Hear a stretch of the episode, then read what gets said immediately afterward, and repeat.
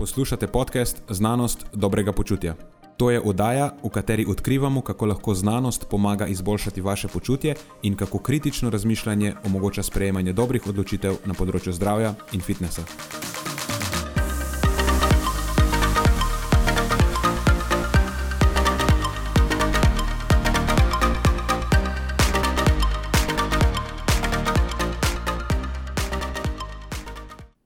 Pozdravljeni, z vami smo Nenad in moj sovoditelj Matjaš. V prvem delu današnje epizode boste izvedeli, kako zelo učinkovito je cepljenje proti HPV, ter kako varna in elegantna pogruntavščina so cepiva dejansko. V drugem delu pa, ali moramo pri izbiri oglikovih hidratov paziti na glikemični indeks in kako to vpliva na sitost. Preden začnemo, pa se moram zahvaliti še našim sponzorjem. Zaenkrat to še vedno ni velika korporacija, temveč zvesti poslušalci, ki nam izkazujete zaupanje in podporo s prijavo v našo člansko skupino Znanost dobrega počutja. Hvala vsem, ki s tem držite luči prižgane in omogočate podkastu, da raste ter postaja še bolj kakovosten. Hvala tudi vsem ostalim, ki nas podpirate z visokimi ocenami in pozitivnimi komentarji, ter tako, da priporočate podcast svojim znancem in prijateljem. Zdaj pa je končno čas za začetek epizode. Uživajte ob poslušanju.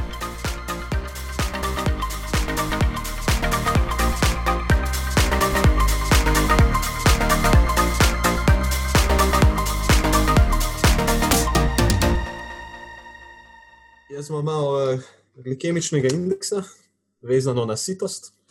Dobro, Ti, pa vem, kaj tisto, imaš. ja, tako je. Nisem uspel preveriti tvojega članka. V redu, zgleda mi boš mogel zaupati. Ja, tako, tako kaže.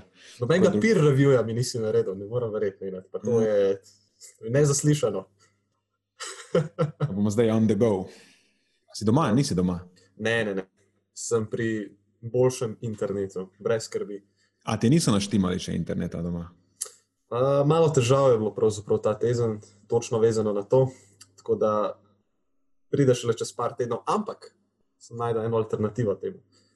Bom, uh, bom vzel uh, do takrat, ko čakam, da mi tam napeljejo internet, bom šel v Hoferja, pa kupil za 15 evrov eno SIM kartico, si dal v en star telefon, dal hotspot, 200 gigabajtov in do takrat bomo preživeli s tem. Ne? 200 gigabajtov bi skoraj moglo biti za dosti. Bo, bo, za par tednov bo to dovolj. Ja, mislim, jaz tudi mislim, da bo. Bo. Kaj je bilo, Večino kakšne- svojega, večino svojega interneta itak porabim da. Ja, ja. Kakšne so bile težave? Kaj je bilo? Uh, niso imeli neke napeljave dotično do tega nožga predela stavbe. Ne. Ta stavba je razdeljena na dva dela, na A in B vhod, in na tam na B vhodu, kjer so ljudje vseljeni že kako leto, je bilo že zrihtan, zdaj so bomo mogli še ta del zrihtati. In to so zdaj uredili, ampak ker imajo toliko enih ljudi na čakanju, sem pa spet padel nazaj v vrsto in prijem na začetku naslednjega meseca šele na. Na začetku naslednjega meseca, kako je to? Ja, Internet je, 5.11. mislim, internet je osnovna človeška pravica, ne morejo te pustiti čakati en mesec. Točno to. Sem že hotel parjati jih tebe, Nenado, kot uh, glavni uh, izvršitelj teh internetnih človekovih pravic. Ne meni, nisem jaz zadolžen za človekove pravice. Internetne K pravice. nekemu, nekemu drugemu organu. Kaj je danes vse obstaja. pravica? Kaj je danes, pa hvala, da obstaja, kaj je danes vse osnovna človeška pravica? Kako ni to, da si povezan na mrežo, to bi mogla isto biti človeška pravica, osnovna. Meni se tudi tako zdi. Daj, rekel sem punci, useliva se takrat, ko imamo internet, pa ko imamo kuhinjo. In to so najne osnovne dobrine, ostalega ne potrebujem zaenkrat. Dejansko, če nisi povezan na internet, sploh ne obstajaš dan danes. Točno to. Se popolnoma strinjam. Kako, si sploh, kako sploh spremljaš, kaj se dogaja tam zunaj? Nimam pojma. Plus to, da vemo, če greš recimo v gym in ne objaviš na Instagram ali pa na Facebook fotografije, ne, tako da nisi bil. Sploh Da ne dobiš govorimo o hrani. Ne Isto dobiš ne. nobenih benefitov, ne? tudi če ješ dobro. Je enako, kot da si pojedel nek karkoli. Burek. Burek, ja. Če ne, ne slikaš in ne objaviš. Tako pa daš uh, par hashtagov vezanih na zdrav življenjski slog, uh, zdrava prehrana in tako dalje. in Tako dalje. Ja. Dobro, Jaz upam, da bo ta najn sarkazem prišel skozi. za dosti šale, da je pa preklopiti midva na te neke resne stvari, ki jih imamo danes, kao. Ja, Kdo bo začel? Ali bom jaz začel danes? tako, Zdaj si bil dvakrat ti, se mi zdi. zdaj imam dovolj, ne? Zdaj Ja. Imam dovolj tega prve stopničke. No, kar izvoli. Dobro, jaz imam danes eno temo, ki se dotika, mislim, ne da se dotika, ampak je direktno medicina. Uh, tako da upoštevajte najprej, da nisem zdravnik ne? in preden sprejmate kakršne koli odločitve v zvezi s tem, se posvetujte svojim osebnim zdravnikom. Vsaj z njim, če ne še s kom drugim. Mislim, realno, no- noben od nas z Matjažem ni zdravnik, tako da kakršne koli odločitve sprejemate na podlagi najnih nasvetov, ste si sami krivi. Tako. Jaz bom danes eh, predstavil eno zanimivo raziskavo o cepivih. Cepiva so glavna tema. Sicer aktualna stvar, ampak ne bom se dotikal tega slona, ki je trenutno v tej sobi, elegantno ga bom pustil v kotu sedeti. Ampak se bom ukvarjal z eno drugo zelo pomembno stvarjo. V bistvu gre za raziskavo iz Švedske, Naslov je HPV Vaccination and the Risk of Invasive Cervical Cancer. To je torej HPV, cepljenje proti HPV in tveganje za invazivnega raka na materničnem vratu. To so Lej in sodelavci 2020 in objavljen je bil v The New England Journal of Medicine. To je precej ugledna revija. Torej, govorimo o cepljenju proti eh, temu humanemu papiloma virusu oziroma človeškemu papiloma virusu. Zdaj, zakaj je ta raziskava zanimiva? Načeloma vemo, da je cepivo proti HPV dokazano varno in vemo, da je učinkovito, ampak nimamo nekih večjih populacijskih, takih dolgoročnih raziskav, ki bi natančneje in skozi neko daljšo časovno obdobje določile oziroma kvantificirale učinek tega cepljenja na populacijski ravni, ne, da bi nam dale točne številke, če takšno število punc oziroma žensk cepimo, kakšno zmanjšanje, do kakšnega zmanjšanja eh, pride. Še posebno pa nimamo teh raziskav z nekim večjim številom vključenih. In vse od tega nekako nam ta raziskava ponuja. Vse te prednosti ima in daje zanimive rezultate. Zdaj, namen te raziskave je bil, torej, da natančneje ocenijo, kvantificirajo to povezavo med cepljenjem proti HPV in potem nadaljnim tveganjem za pojav raka na materničnem vratu. Tukaj so raziskovalci uporabili švedski javno-zdravstveni register, ki zgleda vključuje kupenih zanimivih pa uporabnih podatkov za njih. V tem registru je milijon, dobrih milijon šeststo tisoč punc in žensk starih med 10 do 30 let, oziroma v tem registru je več oseb, ampak oni so vzeli konkretno te, ki so bile za njihovo raziskavo relevantne, to so torej punce in ženske stare od 10 do 30 let. Spremljali so jih pa za obdobje leta, od leta 2006 do 2017, torej 11 let. Um, ker ta register vsebuje vse te podatke, so lahko kontrolirali tudi za kraj bivanja, za lastnosti staršev, tudi izobrazbo, za recimo materino rojstno državo, za materino zgodovino bolezni. To so vse recimo neki dejavniki tveganja, ki pač neodvisno od cepljenja lahko tudi vplivajo na pojav tega raka. Tako da potem, ko oni skontrolirajo za vse te druge dejavnike, lahko res izluščijo, ali gre za učinek cepiva ali pa kaj od tega tudi prispeva. In pač njihov cilj je bil, kot že rečeno, ene trikrat, povezava med cepljenjem proti HPV in tveganjem za raka na materničnem vratu. Zdaj, zanimivo, oziroma najprej, definitivno moramo povedati, da na švedskem, kaj sploh, s čim sploh cepijo, obstajajo različna cepiva. Oziroma, kaj je sploh namen v osnovi cepljenja? Se je logično. Namen cepljenja je, da se prepreči infekcija. Torej, da, ko pridemo v stik z virusom, da dejansko virus nas ne more okužiti.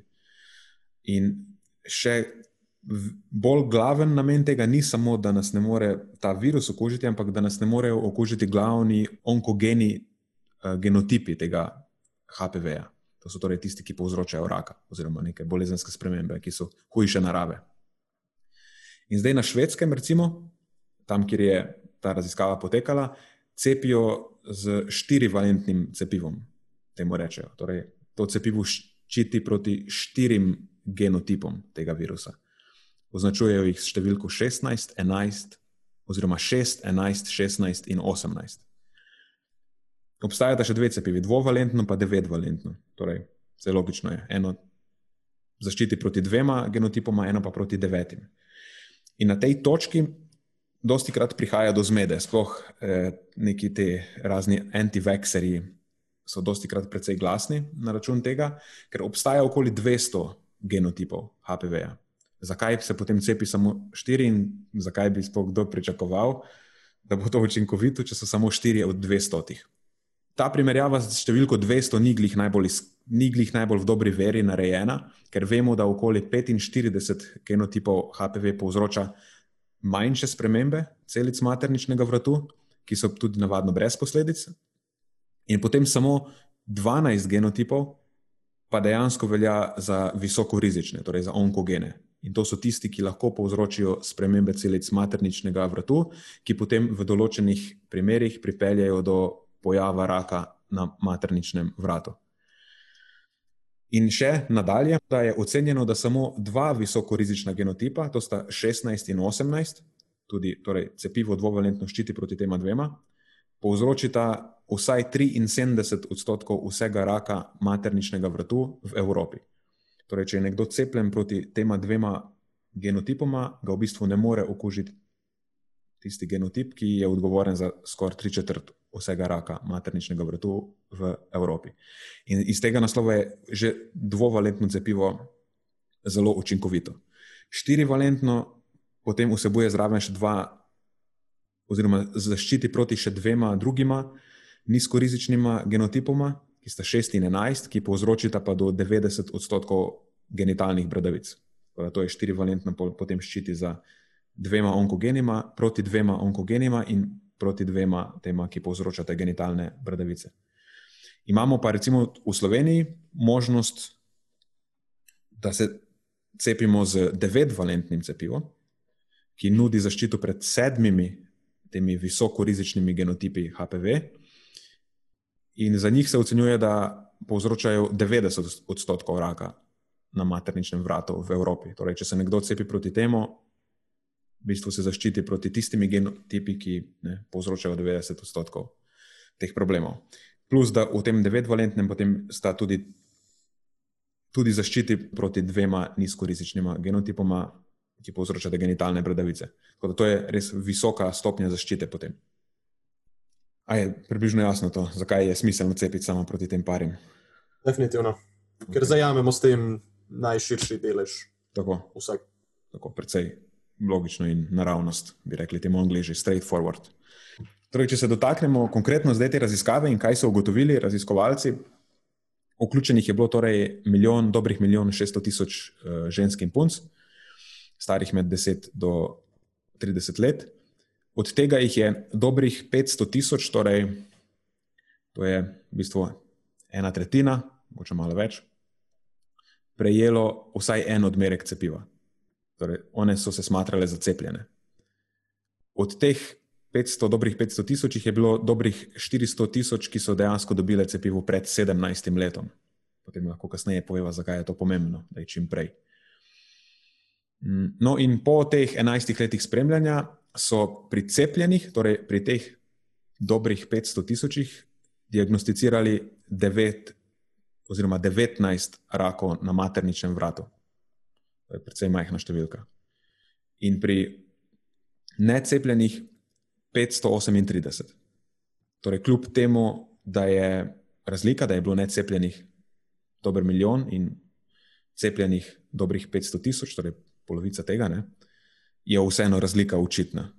Tudi če razpoloviš tisto drugo številko, je še zmeraj bistveno manjša številka na koncu. Ampak nas seveda zanima, temu rečemo, kumulativna incidenca. Zdaj, incidenca je število novih primerov, ki jih diagnosticirajo. Ne toliko, kot jih obstaja v populaciji, ampak te, ki so na, na novo. In kumulativna, to pomeni samo to, da si zapomnimo tiste, ki so bili prejšnjo leto in to spremljamo deset let. Če imamo eno leto enega in drugo leto dva, imamo v bistvu drugo leto tri. In potem, če imamo naslednje leto tri, potem imamo skupaj jih šest. In to je v bistvu po domače povedano kumulativna incidenca. In zanima nas, koliko v teh enajstih letih se je tega dejansko pojavilo, kakšna je bila številka v eni in drugi skupini. Zdaj, zanimivo je, da po 23. letu starosti v tej raziskavi je začela kumulativna incidenca strmo naraščati, kar je nekako logično, ker na švedskem takrat začnejo z presejalnim programom. Nekaj podobnega imamo, se mi zdi, tudi pri nas. In ugotovili so, da za necepljene je ta incidenca do 30. leta narasla na 94 primerov na 100 tisoč oseb. Za cepljene je bila incidenca do 30. leta 47 primerov na 100 tisoč oseb, torej v bistvu pol. Ampak to je samo povprečje. Tako da ne gre samo, da se za pol razpolovi. To je povprečje, če je nekdo do, do 30. leta cepljen. Za tiste, ki so bile pa cepljene do 17. leta, pa je bila potem do 28. leta, ker jih niso mogli spremljati do 30. ker se nihče ne postara za dve leti v enem letu, ne samo 11 let so jih spremljali je bila štiri primere na 100 tisoč oseb, torej bistveno, bistveno nižja. Skoraj bi lahko rekli, da je bila zaščita blizu 100 odstotna. No. Mm. Kar je nekako logično. Cepivo vemo, da je zelo učinkovito.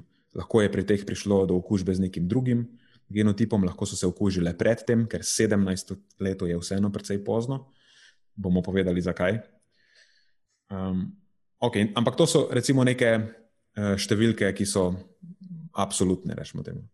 Nas pa zanima zdaj, kakšno je odstotno znižanje tega tveganja. Torej, rečemo temu razmerje stopnje pojavnosti. V angleščini je to incidence eh, rate ratio. Kakšne, v primerjavi z necepljenimi je prišlo pri cepljenih do 49, 49 odstotnega znižanja te stopnje pojavnosti. Rečemo temu po domače tveganje, da se ne bom zapletel ni glih čist tehnično pravilno, ampak rečemo temu tveganje, vsi vemo, zakaj se gre. Potem, ko so naredili dodatne prilagoditve, ko so upoštevali vse tiste dejavnike, ki so jih prej omenili, torej materino zgodovino bolezni, njeno v bistvu, etnično poreklo, vse te stvari, ki so tudi dejavniki tveganja, je prišlo do 64-odstotnega znižanja. Torej, tukaj v bistvu to je ena tako zanimiva, mogoče statistična stvar. Če potem, ko kontroliramo za moteče dejavnike, oziroma potem, ko kontrolirajo za moteče dejavnike, pride do, do večje povezave, kot v tem primeru, to pomeni, da najbrž gre za resnično povezavo, da, je, da te drugi dejavniki, ki jim rečemo moteče dejavniki, ne vplivajo na to povezavo. Ker v prehranski epidemiologiji se ponavadi zgodi nasprotno, ker tam vemo, da težko izoliramo en prehranski dejavnik, rečemo recimo uživanje rib. Je povezano z nižjim tveganjem za kardiovaskularne bolezni ali pa smrti iz kardiovaskularnih vzrokov. Ampak vemo tudi, da uživanje rib se upada z nekimi drugimi dejavniki. Načeloma ljudje, ki pač jedo ribe, tudi bolje skrbijo zase, več so fizično aktivni in to ima vse pozitivne učinke na kardiovaskularno zdravje. In če potem kontroliramo za stopnjo fizične aktivnosti, če kontroliramo za kakovost prehrane, potem ta povezava začne razpadati.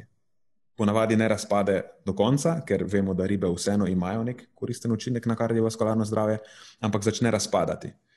Če bi pa recimo s tem, ko mi kontroliramo za, za gibanje, za energijski vnos, za kakovost prehrane, če bi začela povezava, če bi začele ribe kazati še večji pozitivni učinek, potem bi lahko bili zelo samozavestni, da so ribe res zelo, zelo same po sebi koristne. Ne? Ampak v prehrani načeloma to ni primer, tukaj pa dejansko se je to dogajalo. Ker tudi kasneje, ko so stratificirali po starostnih skupinah, to gre potem za popolnoma prilagojen model, ko so upoštevali tudi, kdaj je bil kdo cepljen. Je med, med 17 in 30 letom prišlo do 53 odstotnega znižanja, torej podobna številka je kot pač povprečje, se dejansko je povprečje.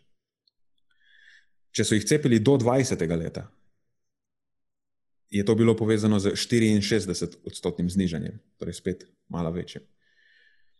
In potem, če so jih cepili do 17. leta, torej če so bile punce cepljene pred 17. letom, to je v bistvu bila njihova najnižja starostna kategorija, ki je še zmeraj precej visoka, ampak je pač v tem primeru bila najnižja, je prišlo pa do 88 odstotnega znižanja. To je pa res pač zelo visoko. In nekako potem lahko zdaj sklepamo, da dejansko gre za učinek cepiva, ki zaščiti najprej proti okužbi in kasneje pač posledično valjda logično tudi proti razvoju tega raka. in da je zelo pomembno cepljenje čim prej. Pri 20. letu je v bistvu že dokaj pozno, očitno, ker je tveganje ni znižano v dosti večji meri kot recimo do 30. leta. Medtem, ko vidimo za 17, je pa res bistveno niže tveganje. In lahko sklepamo, zakaj je temu tako. Lahko sklepamo, ja, zakaj je temu tako. Um, pač, zakaj je dejansko za ta maksimalen učinek nujno potrebno cepiti čim prej? Um, zato, ker je pač potrebno cepiti pred izpostavljenostjo, oziroma pred obdobjem, ko se začne to večje tveganje za izpostavljenost, in to je pač predtem, ko začnejo imeti mladostniki spolne odnose, ker je HPV spolno prenosljiv virus in veste, o, o čem govorim. Um, sicer obstaja manjša možnost, da se okužimo tudi drugače, recimo tesen stik s sluznico okužene osebe. Um, spet veste, kaj mislim, kako pride do, do te okužbe potem. Obstajajo različne, različne načini, ampak si boste predstavljali, kakšni so. Um, sem pa zanimivo bral tudi v enem primeru, kjer naj bi prišlo do mislim, ni samo en primer, ampak se hipotetizira, kako bi dejansko lahko prišlo tudi do okužbe brez stika, preko recimo vode v nekih ne vem, toplicah ali pa nekaj takega. Um, Zaenkrat je to zelo hipotetično, ker je to tudi težko dokazati. Ker če nekdo reče, nisem se okužil, veš, ne, dosti krat je. Ali potem... bomo verjeli, ali ne? Ja, ker je v, v tej, ja, veš, vse je normalno. Je v tej, recimo, spok v nekih mlajših starostnih skupinah je to lahko stigmatizirano. Um, Slišal sem tudi, da lahko pride do nekega posmehljivega odnosa, recimo, ne, češ, kaj si pa mhm. delala in take stvari, kar je v bistvu v tem settingu čist neprimerno, ampak se potem dogaja in ne, dejansko ne vemo, če dejansko ni prišlo do stika ali je v glavnem. Ker obstaja možnost, če glih majhna, da se vseeno okužimo tudi brez dejansko spolnih odnosov, je pač smiselno cepiti čim prej. Ne, ker vemo, da je tveganje potem močno znižano. Mislim, to je razlog, ne, ko kdo reče, zakaj je mojo hčerko so cepili v šestem razredu že. Mislim, zato so jo cepili, ker je takrat za njo to najbolj koristno, ker kasneje je vedno manj koristno. Je pa drugače to pač samo ena raziskava, res da je precej zanimiva raziskava, mogoče taka, ki, je, ki jih do zdaj nismo imeli še dosti ali pa sploh ne mogoče. Upa, zelo kvalitetna, ne? Precej dolgo časa so spremljali, tako kako horta. Nekaj ja. plusov ja. zagotovo lahko pripišemo. Tako. Ampak tudi v bistvu ni samo ena raziskava, ker obstaja vseeno neka teža dokazov že na tem področju, pač tudi iz manjš, manjših raziskav, in rezultati so skladni. Že v raz, različnih prejšnjih raziskavah, eh, v Finski, recimo v ZDA, so bili rezultati podobni. Na neki manjši kohorti na Finskem je bila učinkovitost celo 100 odstotna najbrž zaradi majhnega vzorca, ampak vseeno. Ne? Tudi če upoštevamo, da je na švedskem bila najnižja meja 17 let, mogoče če bi bila še nižja, če bi stratificirali še za nižje starostne skupine, ampak pač tukaj niso mogli, ker niso imeli podatkov. Veš, lahko bi bila celo še bliže 100 odstotna. Čisto 100 odstotna najbrž ne bi bila nikoli, ker so razlogi, zakaj nekdo razvije raka na materničnem vratu, lahko tudi drugi, ne samo zaradi tega. Mm ja, to je to. Mislim, nauk te zgodbe je, da jim se cepiti proti temu. Meni se zdi to pravočasno. In to pravočasno. Se mi zdi pa zanimivo, da okay, rak materničnega vratu je najbolj pogost in resen zaplet, ki je povezan s HPV, ampak ni edini.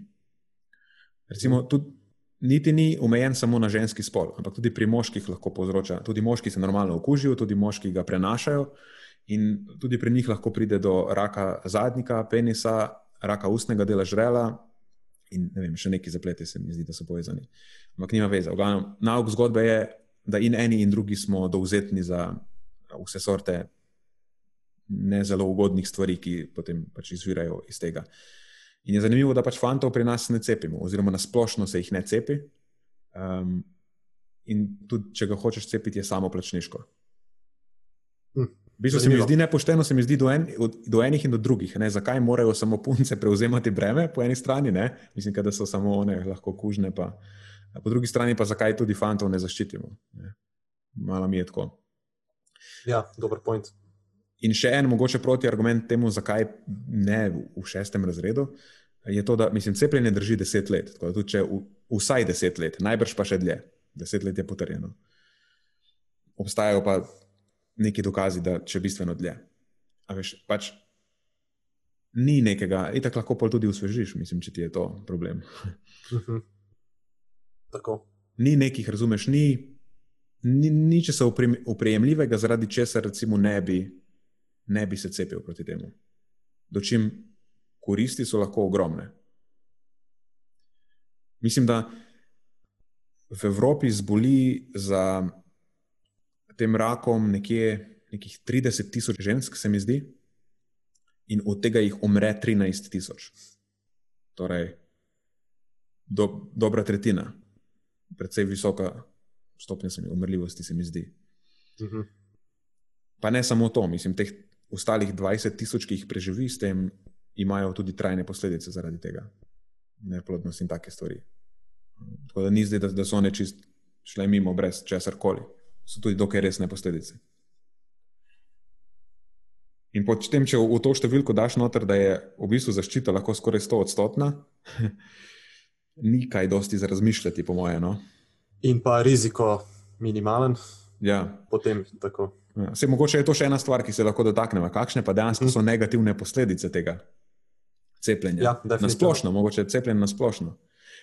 Pri nas, Center za nalezljive bolezni na NIJZ, spremlja tudi, to je ena izmed njihovih nalog, tudi to, da spremljajo potek varnega cepljenja, temu rečejo.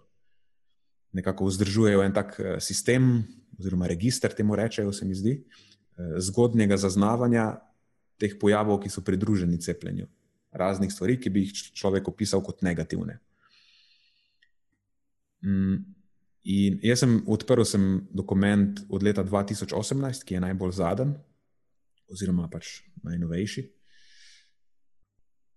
In je bilo njim posredovanih tam, oziroma zabeležili so očitno 418 um, prijav neželenih učinkov po cepljenju.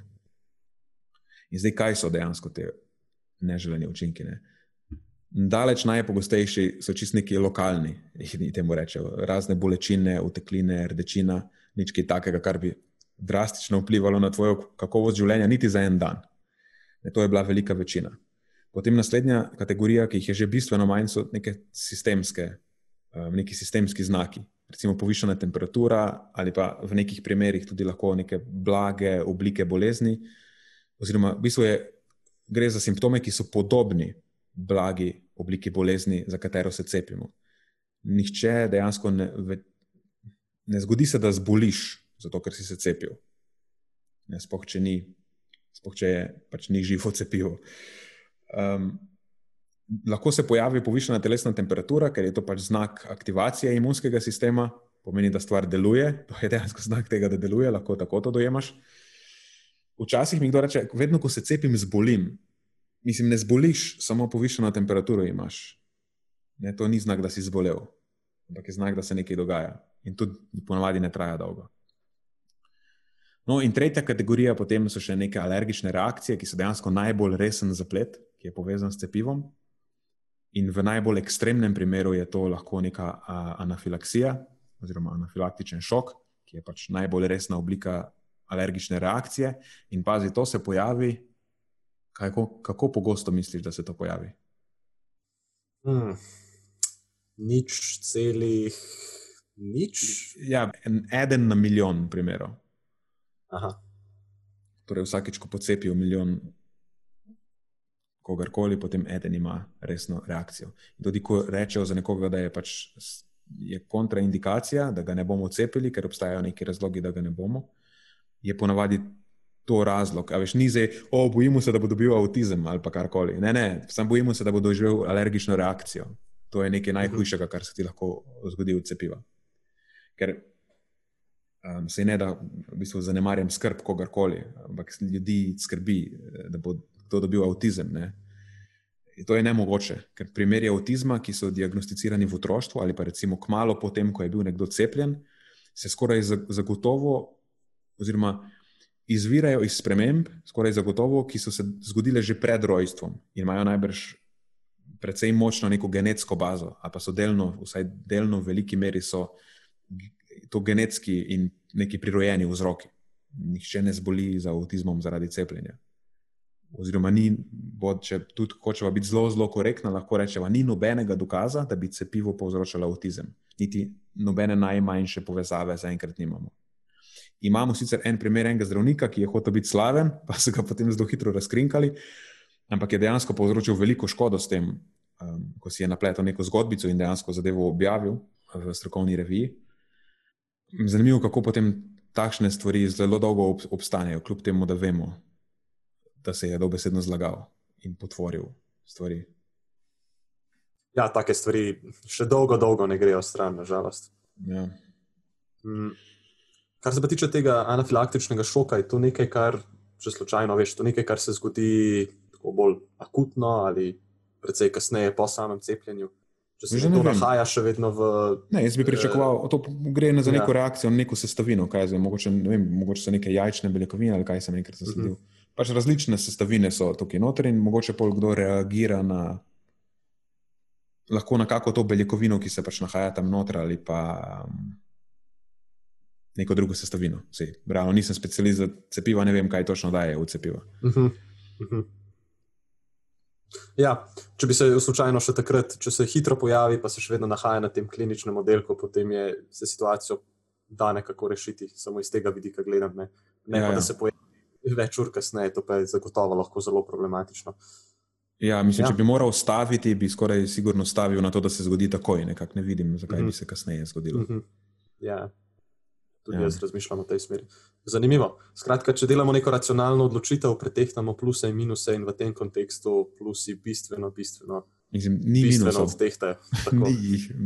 Ja. Jaz ne vem, če je kadarkoli obstaja kak bolj, kak bolj eleganten izum sodobne medicine kot so cepiva. Res ne vem. Mm. Mogoče obstaja, pa se ga zdaj iz glave ne spomnim. Ampak dejansko za večino ljudi ni, pač samo genialno je ni nekih negativnih učinkov. In bolj ko, bolj ko berem, več ko berem o tem, več ko vem o tem, me, me dejansko me včasih prime, da bi, da bi se kar uh, zmenil z unimi tam in bi rekel, da pridemo na vsaka dva tedna, date mi en šus in da se ne vem, v dveh letih pocepljen za vse živo, kar obstaja, za steklino, da me pocepite kapsa. Da lahko grem po celem svetu in se ne rabim bati teh. Razumem. Ti boš glavna njihova stranka. Mogoče ja. ti en kuponček dajo, na vsakih deset cepiv, ena, dva gratis. Ja, mogoče me lahko najamejo kot nekega vaksfluencerja. Vaksfluencer. Drugače pa, ko smo že pri tem, zdaj počasi za gripo začnejo cepiti. Tako da lahko naredimo kakšno akcijo. Zdaj sicer ne smemo iti skupaj, bomo šli en po en. Uh -huh.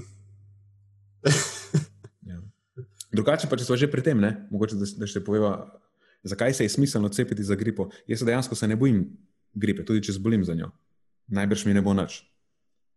Ampak, tudi če ti ni nič, ali pa če so tvoji simptomi blagi, še smer lahko okužiš druge ljudi. In, in to je zdaj v tej situaciji precej neugodna stvar, ne idealen razplet.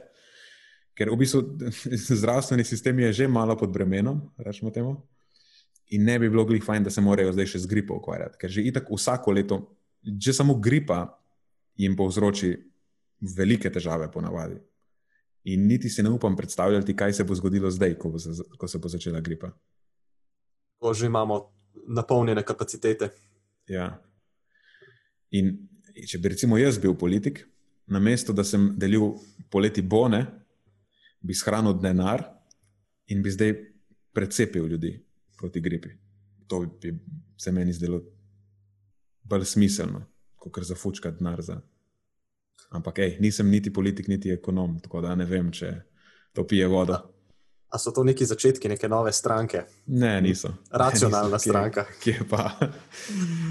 Ja, ne vem, če je bilo zanimanje za to. Bil pa kar preskok ne? iz podcasta na, na stranko. Na politično udejstvovanje. Tako.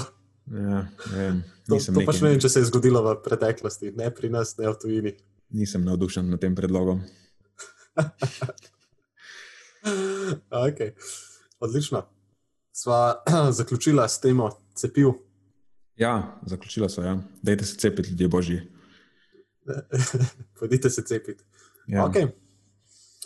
Dobro, jaz sem pa danes razmišljal, da bi se pogovarjala, oziroma da bi načel malo te teme o glikemičnem indeksu in sicer eh, konkretno eh, vezano na sitost. Torej, ali so živila z visokim glikemičnim indeksom manj nasitna kot živila z nizkim glikemičnim indeksom.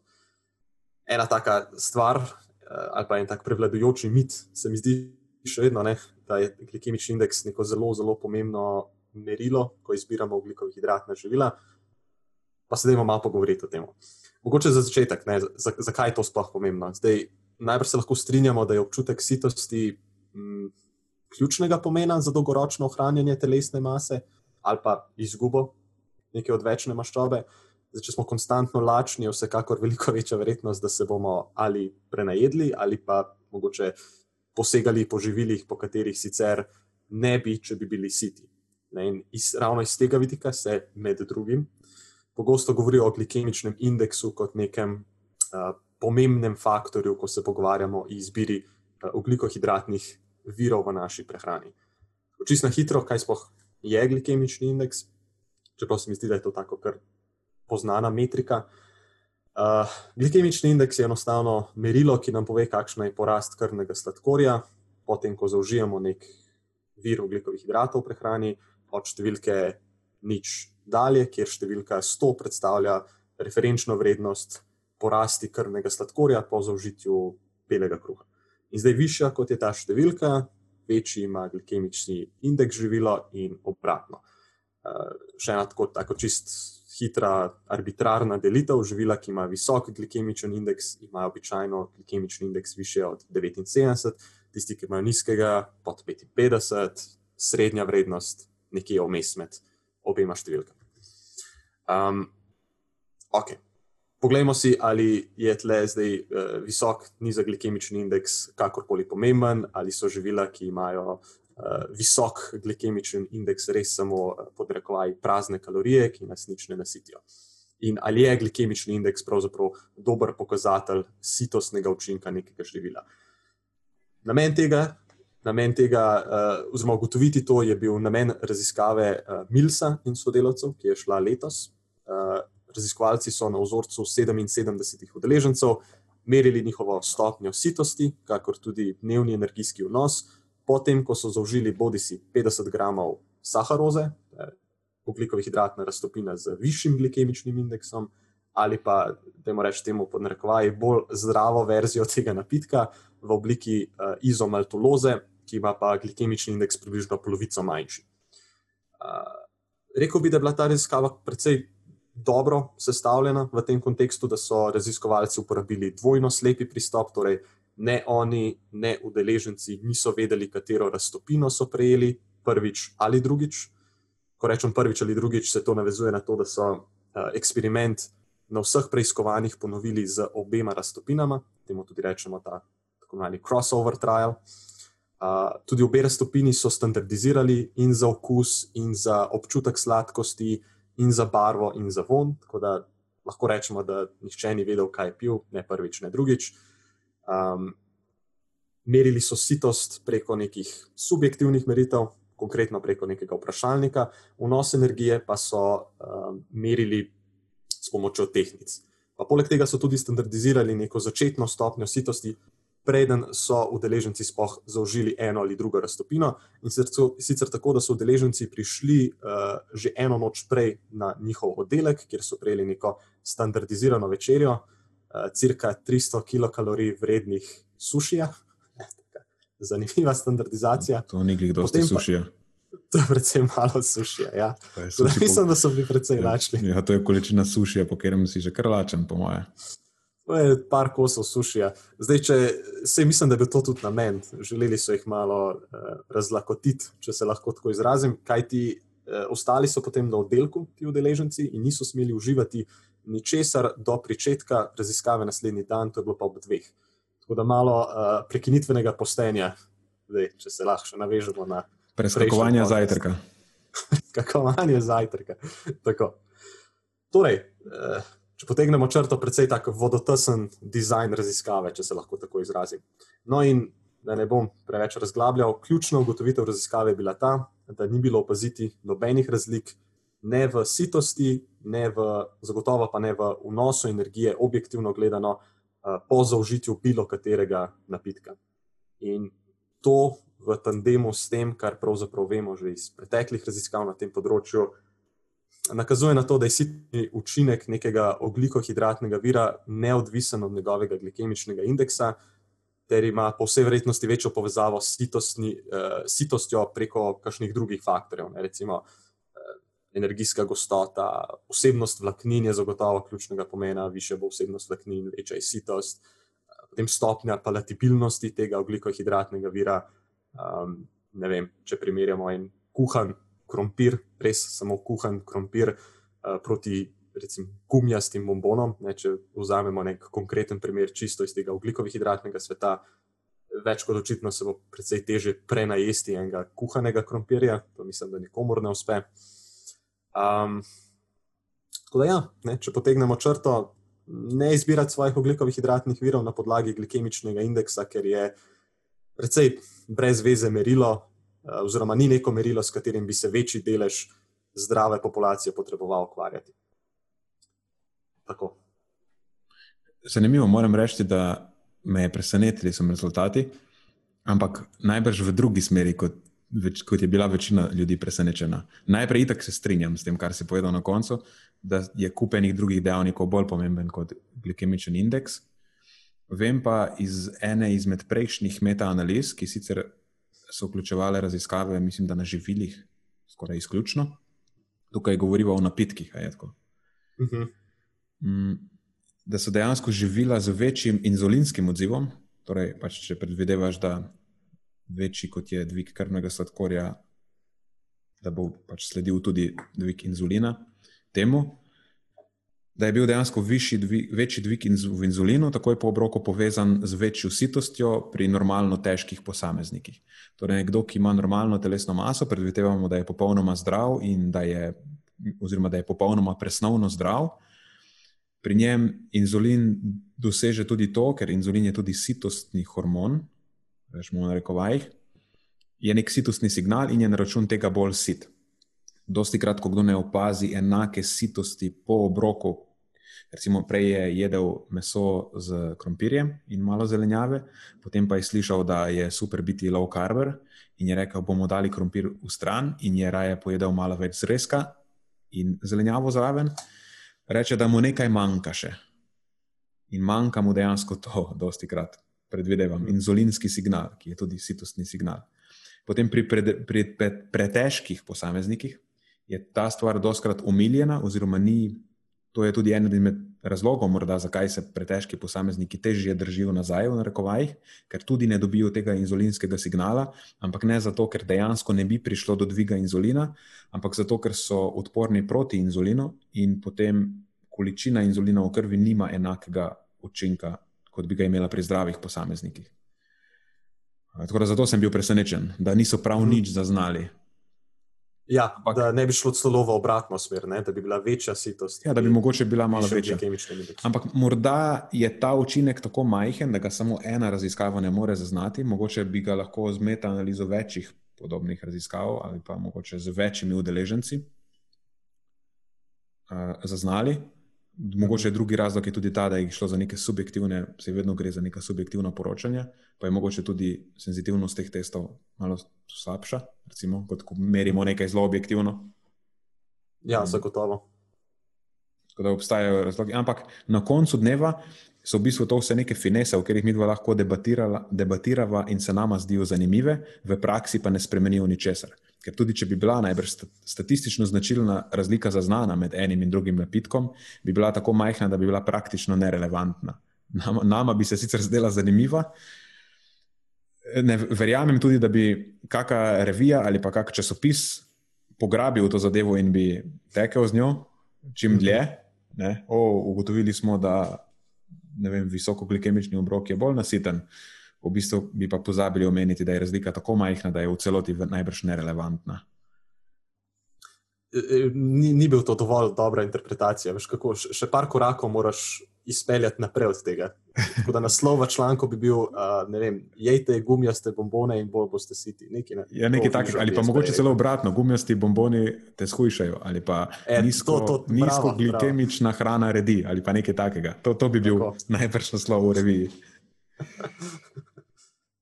Ja, drugače ja. sem naročen sem na eno, reče se Obesity and Energetics Offerings, neka ameriška univerza dejansko.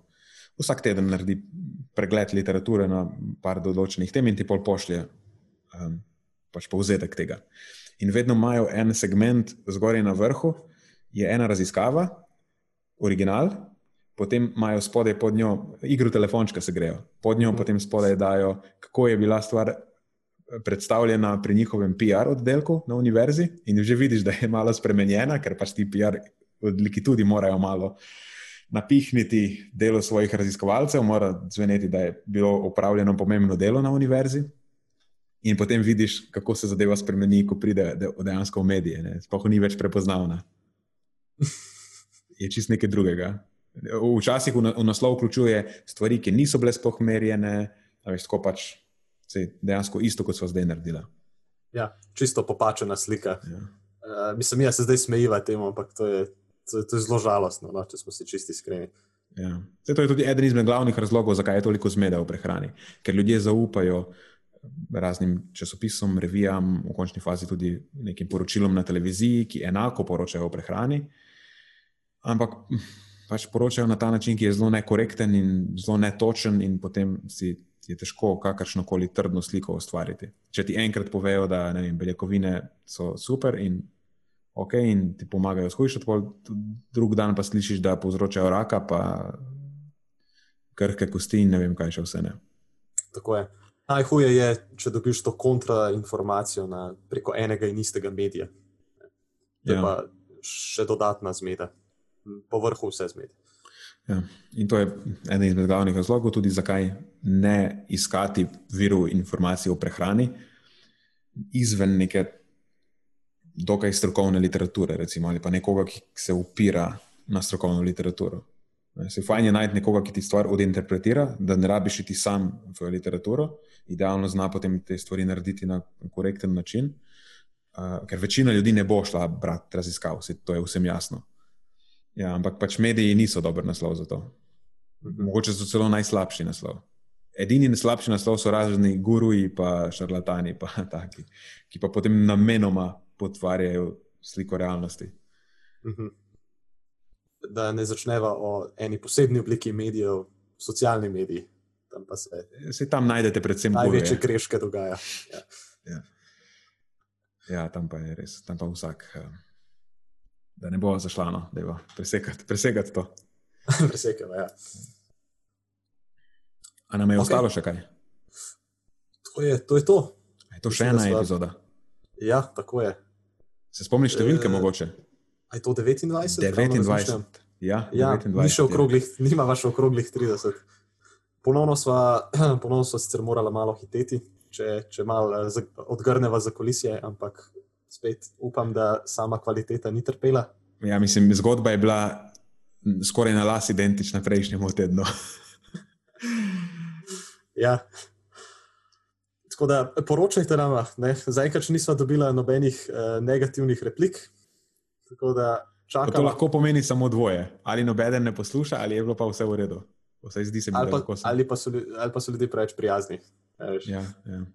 Ali pa se naj obojijo. Torej so štiri, štiri možnosti, hipoteze. Štiri možnosti. Okay. Če se nas bojite, nam tudi sporočite. Sicer pa najlepša hvala za poslušanje še ene epizode. Nenad, s tabo kot vedno odlično, kati, vedno kaj novega zvem, tokrat o HPV-ju. Me zanima, kaj bo naslednjič namenil. Ej, Matjaš, enako, tudi meni je skozi zanimivo in zabavno. Hvala ti in lej, se slišimo prihodnjič.